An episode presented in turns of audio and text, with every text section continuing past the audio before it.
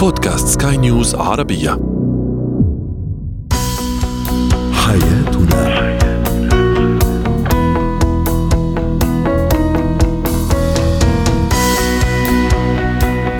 سمعنا الكرام أهلا بكم معنا إلى حياتنا. فضاؤكم اليومي الذي يعنى بشؤون الأسرة وباقي الشؤون الحياتية الأخرى والذي يمكنكم الاستماع إليه عبر منصة Sky News Arabia dot com slash podcast وباقي منصات سكاي نيوز العربيه الأخرى. معي أنا آمال شابه سنتحدث اليوم عن الصراحة بين الشريكين أهمية المصارحة أهمية المكاشفة بين الزوجين. أيضا كيفية التعامل مع المراهق النرجسي. وأخيرا متى يجب أن أستقيل من عملي؟ هو وهي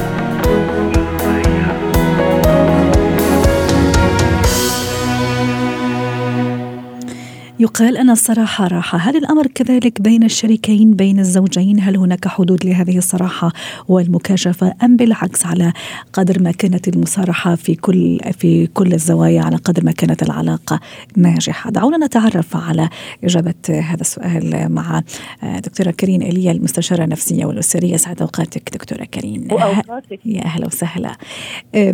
كيف أكون صريحة مع شريكي؟ هل الصراحة تشمل كل نواحي الحياة بيني وبين هذا الشريك؟ وهل يجب أن أبني لها حتى قبل الارتباط؟ أقصد في مرحلة الخطوبة والتعارف. صحيح شغلة كثير دقيقه مرحلة الصراحة بال... بال... بين الشريكين. وفي عندك ميزان صغير بين اني اكون شفاف مع شريكي وصريح إلى أقصى الحدود لدرجة إنه بخبر كل شيء وبرجع فوت بمشاكل أو بكون عندي صراحة ولكن صراحة انتقائية ما بتضر ولا بتأذي بالعلاقة بين الاثنين.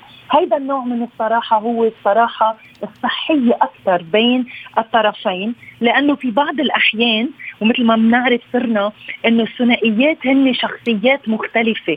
فأحيانا الصراحة عندي قد تثير شك قلق آه غيرة. الشريك. مش بس غيرة. مم. أحيانا كثير أنا إذا أمام شخصية شكيكة أو أمام شخصية شخ... شريك عنده بارانويا أحيانا الصراحة قد تخلق عنده المزيد من الأسئلة والقلق وساعتها بتفتح باب أمامه تيقول هل شريكي عم بيكون عن جد صريح؟ وأحيانا حجم الصراحة والمعلومات يلي بعطيها لشريكي بتفتح باب الخوف من إنه يكون إذا عم بيخبرني هالقد معلومات معناتها في معلومات ثانية ما عم بيقولها. لهالسبب في كتير دقة وهيدي الشغلة كتير خصوصية بين الثنائيات دكتورة كريم خلي نحكي مثلا على الشخصية العادية الطبيعية ثم شخصية أيضا اللي زي ما تفضلتي حضرتك اللي هي الشكاكة ممكن عندها ريبة ممكن تربط الأمور ممكن تستحضر أشياء وما إلى ذلك. إذا كان الشريك أو الشريكة عاديين طبيعيين بشخصيات عادية وطبيعية ومثل ما أشرت في البداية منذ يعني حتى قبل الزواج أنا أؤسس لهذا العلاقة اللي فيها صراحة ومكاشفة وشفافية.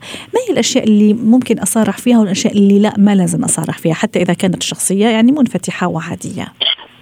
نعم. كثير مهم بهيدي الحالات وقت تكون نحن امام شريك معتدل ومتزن نفسيا كثير مهمه إنه يكون عم بحكي الأمور مثل ما هي. آه وهون دائما يعني أنا بحدد قديش بقدر أكون صريح مع شريكي انطلاقا من ردات فعل الشريك وانطلاقا من انفعالاته تجاه صراحتي والمواضيع اللي بدي أحكيها. ولكن هون كمان بدنا نضلنا نقول إنه أحيانا كثير في بعض الثنائيات نحن بنفضل يكونوا عم يتخانقوا بشكل دائم على مواضيع معينة على إنه يتوصلوا لمسرح ياخذوا قرارات إنه شريكي بهيدا الموضوع غير متعاون أو شريكي مش عنده غير رأي مني لهالسبب ما بتصارح معه وبخبي عنه. هيدي خطرة. أنا بفضل يتخانقوا على مواضيع مالية على مواضيع اجتماعية على خروج على أنواع أصدقاء آه قد الشريك يمكن ما يرتاح لهم أو عنده شك فيهم أو ما بيوثق فيهم أو يمكن مثلا طلب مني شغلة أنا ما لحقت أعملها بصير بدي دافع عن حالي بضطر خبي. هودي بفضل يتخانقوا عليهم.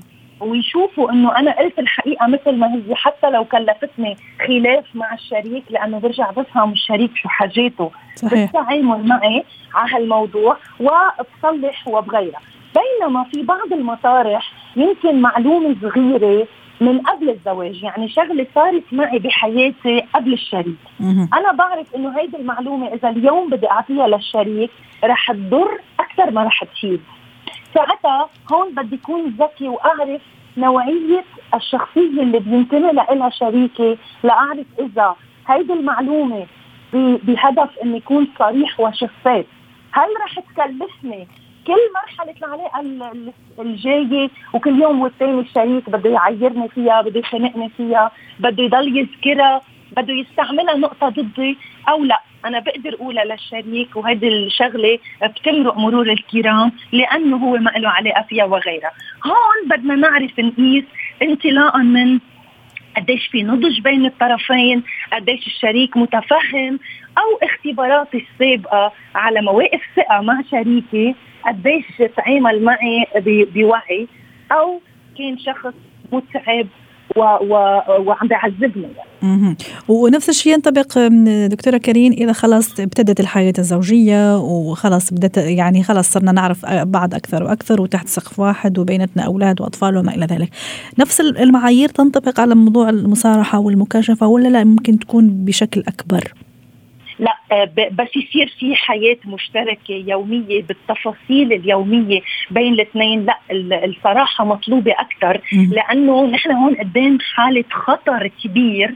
إذا أحد الطرفين اكتشف إنه شريكه عم بخبي عنه معلومة أو عم يكذب وهون بنعتذر على التعبير ولكن هذا هو التعبير. آه وجود كذب عند الشريك آه أمام شريكه حتى على شغلات بايخة وأشياء منا اساسيه وجوهرية هيدي هون كفيلة إنه تخلق قلة ثقة بين الثنائي ومش بس قلة ثقة قد يذهبوا إلى التطرف بالمشاكل والخوف من إنه إذا الشريك عم بخبي عني هالمعلومة شو بيمنعه يكون عم بخبي اشياء أكبر؟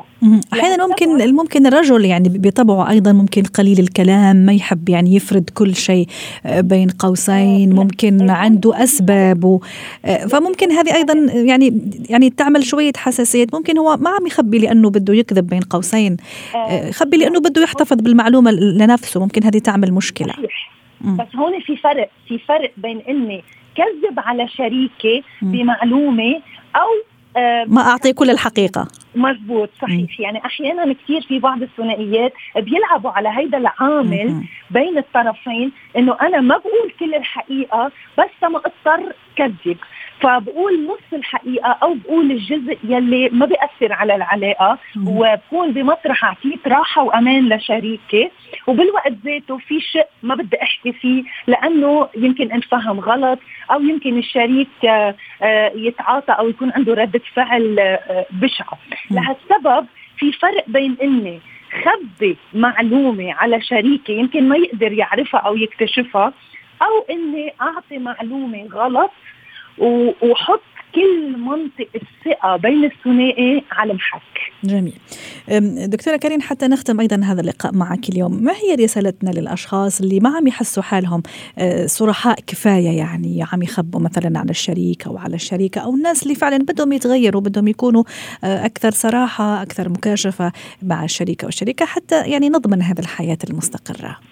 آه كمان هون الشغلة معلقة بالطرفين. يعني بقسم منه أنا مسؤولة مباشرة إذا ما عم بعطي الصراحة كاملة لشريكي لأنه أحيانا أنا بطبعي ما بحب آه، أقول المعلومة أو أحيانا بطبعي أنا بحب كذب على الشريك. أو أنا بطبعي أخلي الشريك ما يصارحني لأني ممكن كل ما صارحني ممكن أعمل مشكلة. آه كمان وهيدي اللي كنت رح أقولها من ثاني ميل أحيانا الشريك هو بيلعب دور إنه كل ما أنا بدي أكون صريح معه في مشكل وفي خلافات لفترة طويلة. لهالسبب كثير مهم الصراحة بالأوقات العادية آه وتحديدا إذا كان صار في بيناتنا مجموعة أمثلة نحكي فيها على ملف الصراحة كثير مهم الشريكين يأخذوا مع بعض ويقولوا لبعض إنه أنا بوقت من الأوقات اضطريت ما أكون صريح معك لأنه هيدي ردة فعلك هيك من اليوم ورايح أنا ما عبالي يكون آه شخص عم بيخبي عليك بس أنا بدي تعاون منك. آه. ومجرد إني عم أقول لك الحقيقة هيدا دليل بحد ذاته شفافية.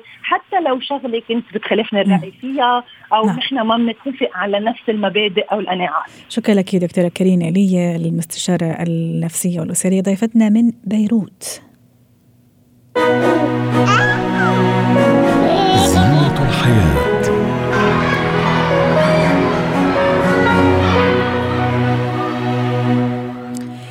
المراهق طبعا معروف عن المراهق آه، هو كثير التفكير في مرحلة من مراحل المراهقة بنفسه بمظهره بشكله الجسدي آه، أيضا يتمركز تفكيره آه، في مرحلة معينة أيضا حول نفسه بشكل كبير يتحدث عن مواهبه وعن قدراته وعن مظهره وعن أشياء كثيرة. ما الفرق أو متى تكون هذه إشارة معاوية كما يقال بين هذه المظاهر العادية بالنسبة للمراهق وبين النرجسية عند المراهق للحديث عن هذا الموضوع؟ تنضم إلينا عبر الهاتف دكتورة فادية دعاس الخبيرة التربوية يسعد أوقاتك دكتورة فادية. متى أقول عن ابن المراهق أنه مراهق نرجسي؟ ما يسعد مساك يا حبيبتي أهلا وسهلا. حبيبتي في التقديم انت ذكرتي شيء حلو كثير لازم نعرف الفرق ما بين تقدير الذات والأنانية والنرجسية. جميل. حتى الأنا يعني تقدير الذات كلنا لازم نقدر ذاتنا ونعرف مواهبنا ونحكي عنها مراهقين أو غير مراهقين نحكي عنها ونجربها عشان نعطي نفسنا السلف ستيم الدافع النفسي إنه نعيش بهالحياة ونكفي ونظهر قدراتنا. هذا شيء عادي. ما في انتقاص لا مني ولا من غيري بالعكس هي إضافة. الأنانية إنه أنا بحب نفسي لكن في خط أو في شعرة معاوية اللي أنت قلتي عنها هلأ أنا بحترم نفسي لك وبحترم الآخرين مهم. بعز نفسي وبحترم الآخرين النرجسية تاخذ معنى إنه أنا الكون مش أنا محور الكون أنا الكون والكل تابع لإلي. يعني النرجسية ما شايف غير نفسي نهائيا الأنا العليا عندي عالية جدا. حتى لأقرب الناس أمي والدي أي حدا ممكن أتكلم معهم بدونية. وأنا مش مهتم. ما عندي أي احترام أو مشاعر أو تعاطف لهم جميل. تقصدين الأنا مش الأنا العليا الأنا اللي هو الإيجو. بالضبط. الآن تمام. تمام. طيب. ال- م- يعني ما الذي يعني يجعل المراهق دون غيره من المراهقين؟ مثلا عنده هذا هذا الشخصية أو عن- عنده هذا الشعور. أوكي. إحنا قلنا المراهق لأنه نضج فعليا جسديا قبل مع عواطفه. بفكر حاله عنده منحة و... و... وإنه هو يمتلك شيء لا يمتلكه الآخرون تماما؟ إذا ما كان ناضج نفسيا. بنرجع بنقول هو يكتشف نفسه. وهون بترجع قصة إنه أنا فعلا بقدر نفسي صح أو بقدر حد نفسي أو حب ذاتي لحد التطرف. جميل. يعتمد هذا على التربية وعلى الوضع الاجتماعي. صحيح كنت راح أسأل هذا السؤال. الأهل مثلا التربية الأسرة عندهم نعم. دور؟ عندهم علاقة أني أنا أنمي وأغذي هذا النرجسية عند ابني المراهق؟ طيب. ولا, ولا لا؟ تماما. هلأ هم النقيضين أو حالتين نقيضة مم. لكن حنحكي عنهم. الحالة الأولى إنه أنت بتحبي وبتراعي كأم وكأب زيادة عن اللزوم. زيادة عن اللزوم. حتى إنكم بتفضلوه عن نفسكم. حتى كل شغلكم وحياتكم وكذا وكذا لفلان أو فلانة. وهو عارف هذا الشيء تماما؟ جميل. بتشتغلوا عنه الأشياء الأساسية في حياته أنتم عم تعملوا له إياها إنه أنتم بتصحي من النوم مع إنه هلأ هو لحاله لازم يكون. متحمل مسؤولية. والشق الثاني إنه هذا الطفل أو هذا المراهق ابن عائلة متفككة بمعنى إنه أنا آه، بحاول أعمل لحالي أنا وجود وأحب حالي لأنه أنتم الاثنين ما بتحبوني فأنا ما بحبكم ما بحب الكون أنا بحب نفسي. أنه أنا- كأنه طريقة انتقام ممكن طريقة أنه الطريقة يعني يعاقب فيها يعني. تمام. حافظ على النفس كتير وإنه هذا الكون كله زي ما قلت لك اللي بضرني لا أنا بحافظ على نفسي. أنا هذا ايدي أنا هاي نفسي أنا. طيب دكتورة فادية في طريقة ممكن أنا يعني أعالج بها يعني ابني المراهق اللي يعاني فعلا من هذه المشكلة وإذا ما يعني ما تداركت ممكن قد تكبر معه وتواصل معه يعني لا, لا هو شاب وممكن هو يعني كبير عرفتي كيف. وهذه مشكلة في الحقيقة. آه، كيف أنا أتعامل مع الموضوع؟ كيف أحاول أنا- يعني أساعد ابني حتى لا يرجع للسلوك السوي ولشخصيته السوية؟ بغض النظر زي ما قلنا في البداية أنه هو مراهق يهتم بشكله ومظهره ومعتز بنفسه وما إلى ذلك. إحنا ممكن نعالجه لو كان عنده أنانية ممكن نعالجه لو كان عنده حب نفس شوي. لكن صدقا أنا دائما بحب أبشر لكن مضطرة هنا أقول إنه النرجسية عالجي نفسك واحمي نفسك ضدها. مش مش ضد الولد بمعنى آخر. بمعنى. ارفع بمعنى ارفع الوصاية عن ابنك هذا. هلا أنت مش وصية عليه. كيف مش أنت وصية؟ مش وصية؟ عليه. بمعنى آخر إنه ما تعامليه أنا مسؤولة عنه. مسؤولة م. عنه. لكن إذا هو تجاوز حدوده بالإهانات وعدم احترام الكبير وهذا اللي بيصير مع النرجسي يعني ممكن تكوني قاعدة مع ناس يقول لك أنت ليه لابسة هيك؟ أنت ليه شكلك هيك؟ شوف كيف بتحكي أو بنظرات عيون احتقار أو كذا أو كذا. أنت بتعلمي إنه مكانك هذا المجتمع هذا اللي أنت فيه هذا بيتك له قواعدك تحترمها عشان تضلك موجود فيها. عشان انت تتبع هذا المكان. نعرف إن هاي الشغلة كثير صعبة بس إحنا بنحاول نساعد الأهل. وداوني بالتي كانت يداء حبوا نفسكم بالأول. حطوا نفسكم بالأول. الأم حبي نفسك. في لك مي تايم في لك كذا ما تضلك آه، في عوامة أو في دوامة أو في أمواج بتلطشك لأنه إنه ابنك بتصرف كذا. ما عليه إنه الضرر يقع على شخص أحلى ما يقع على أسرة كاملة. وشوي شوي إذا كانت انانيه عالية رح يعرف إنه لا أنا لازم أخفف منها عشان أقدر أعيش في هذا المجتمع. هل ينصح بالتجاهل أحيانا دكتورة فدي هل نعم. يكون علاج مثلا نعم. لهذا النوع من المراهقين النرجسيين؟ نعم تماما. إنه أنت هلأ شوف نقطة دائما بلقوا اللوم على الآخرين. م. يعني أنت ليه ما صحيت؟ هلأ رحت على مدرستك. ما أنت ما صحيتيني أنت ما عملتي الألارم. أنت كذا أنت كذا أنت كذا. أنت ليه ما كذا؟ لأنه أنتوا كذا. أو لأنه بواب المدرسة كذا فهمتي علي؟ فانت لما تحسسي لا سوري هذه مسؤوليتك أنت مش المحيطين وتتجاهلي منه هذا التصرف مش لأنه عفوا ترضي لنفسك إنه الإساءة لكن متى كأنك ما شفتيه مرة مرتين ثلاثة حيبدأ يعدل عن هذا التصرف. وحياخذ مسؤولية نفسه. وهذا قلنا حطي قوانين لبيتك. أنت اللي بدك تصحي نفسك وأنت اللي بدك تروح. على المدرسة وأنت اللي بدك تعمل كذا. وأيضا موضوع أصحابه مهم جدا إني أعرف يعني ابني المراهق هذا اللي عنده هذه العلامات ممكن مع مين عم يطلع مع مين عم يظهر ممكن أيضا عنده ناس من هذا النوع ممكن ناس عم يشجعوه أو بيئة معينة. هذه ما هذه ما نرجسية.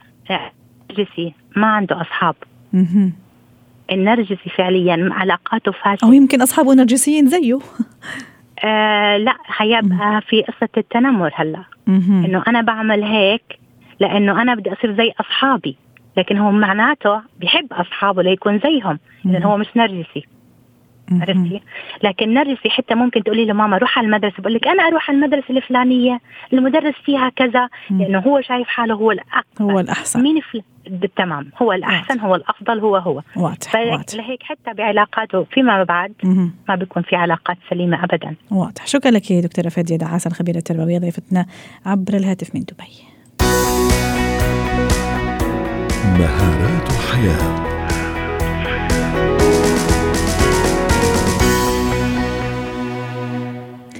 اليوم في مهارات الحياة سنتحدث عن الاستقالة. متى يجب على الموظف أن يستقيل من عمله؟ للحديث عن هذا الموضوع تنضم إلينا عبر الهاتف. دكتورة سلوى عفيفي من القاهرة مدربة مهارات الحياة. يسعد أوقاتك دكتورة سلوى. أحيانا الشخص مش أحيانا طبعا أكيد دائما الواحد لازم يحافظ على عمله على شغله على مصدر رزقه يقدم دائما أحسن ما عنده حتى يكون يعني يؤدي عمله ويكون محبوب ومرغوب من قبل الجميع. أحيانا نفاجأ بسين أو صاد من الأشخاص من الناس. كان على رأس عمله وفجأة استقال. ما عنده أي مشكلة هو موظف مبدع أو موظفة مبدعة ما عندها أي مشكلة لكن تقول لك خلاص أنا وصلت حدي استقلت. متى يجب على الموظف أن يستقيل؟ يسعد أوقاتك أستاذتي أمال وكل عام وانت بخير يا رب. سنة جميلة عليكم جميعا. تسلمي. موضوع رائع بصراحة. وأنا شخصيا أخذت فيه يعني شهور وسنين يمكن عشان أقدر آخذ قرار.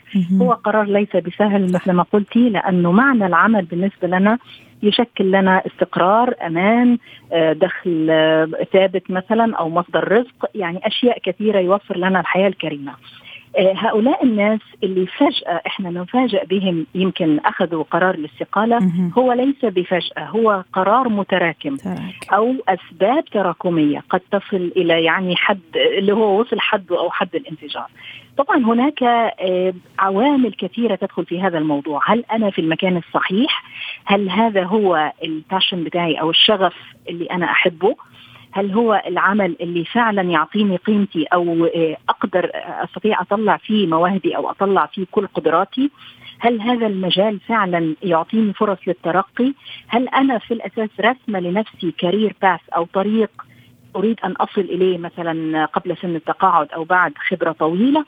تساؤلات كثيرة يعني. آه، لازم كل واحد يكون عارف هل هو فعلا في المكان السليم أو لا.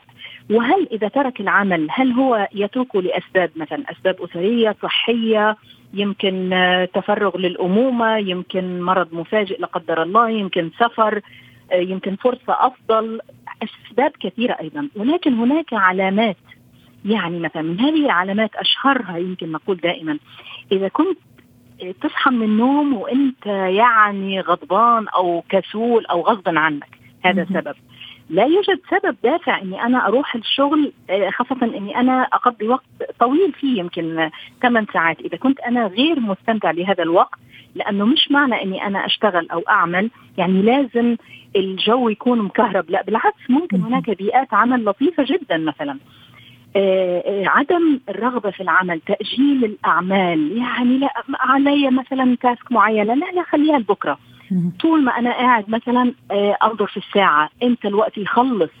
أو أضيع الوقت كثير أقوم مثلا أتكلم مع أصحابي. أو إني أنا أثير المشاكل أو أثير أحاديث أو نميمة أو أو أو. هناك أيضا علامة مهمة جدا. يعني دراسات تقول إنه 50% من الرضا الوظيفي يعتمد على علاقة الموظف بمديره. كل هذه علامات فالشخص اللي حضرتك تفضلتي وقلتي مثلا كمثال إنه هو وصل للاستقالة المفاجئة هي ليست استقالة مفاجئة. لابد طبعا هنا المدير ومثلا ال HR manager أو مدير الموارد البشرية لابد أن يعرفوا الأسباب الحقيقية. ولا يترك الموظفين يصلوا لهذه المرحلة والشخص نفسه أيضا عليه مسؤولية. صحيح صحيح. وممكن الأشياء اللي تخلينا نستوقف أو نقف عند هذا الموضوع دكتورة سلوى لما تسألي الشخص هل عندك بديل يقول لك لا أنا ما عندي بديل. نعم. تصور يعني وصل لهذا الدرجة أنه قرر أنه يستقيل. آه. أحيانا لما تيجي تسألي مثلا يقول لك أنا ما عم يستغلوا مهاراتي ما عم يستغلوا إمكانياتي في العمل وذلك خلاص أنا قررت أني أغادر مكان العمل. حتى زي ما قلت لك أنه ما عندي أي أي بديل ولا مصدر دخل آخر يعني. نعم. هذا ليس صحيح على فكرة. شوفي أنا دائما أنا كمسؤولة أو خبيرة تطوير الشخصية أيضا أنا أقول إن كل شخص لازم يعمل باستمرار على تطوير نفسه تطوير مهاراته اكتشاف نفسه. دائما خلينا جاهزين ست أمان للفرص. لا تترك الفرصة تعدي قدامك تمر قدامك مرور الكرام. يمكن في ناس مشاهير كثيرة أخذوا فرص لأنهم كانوا مستعدين كانوا يأهلوا أنفسهم لذلك.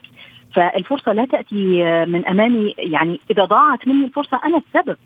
وأحيانا إحنا نخلق الفرص أيضا. صحيح. فلا بد إنه دائما نشتغل على أنفسنا دائما نطور من أنفسنا. والله إذا الإدارة مش عم تطلع مني أفضل ما عندي المبادرة أيضا أنا ممكن إني أنا أبادر.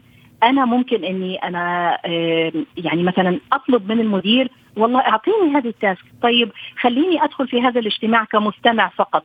ومن هنا أنا أثبت ذاتي لأنه على فكرة أيضا الدراسات تثبت إنه في جزء كبير قد يمكن يكون 25% أو أكثر من مهاراتنا إحنا لم نكتشفها لأننا لم نوضع في المواقف صح.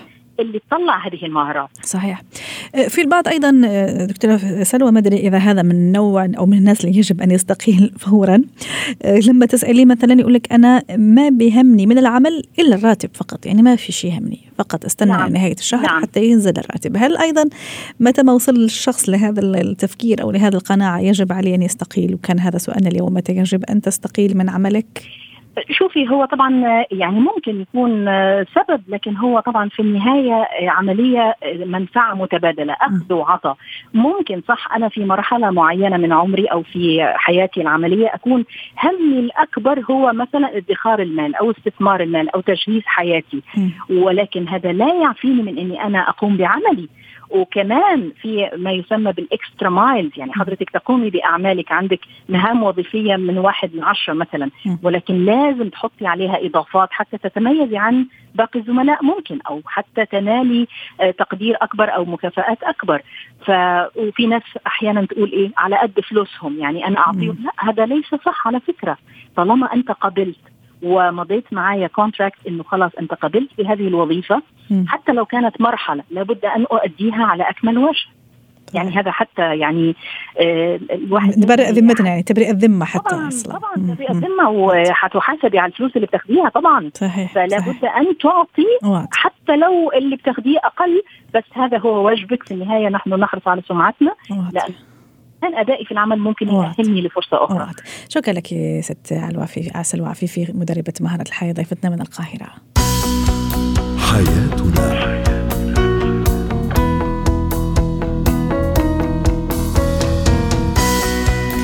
ختام حلقة اليوم من حياتنا. شكرا لكم وإلى اللقاء. حياتنا.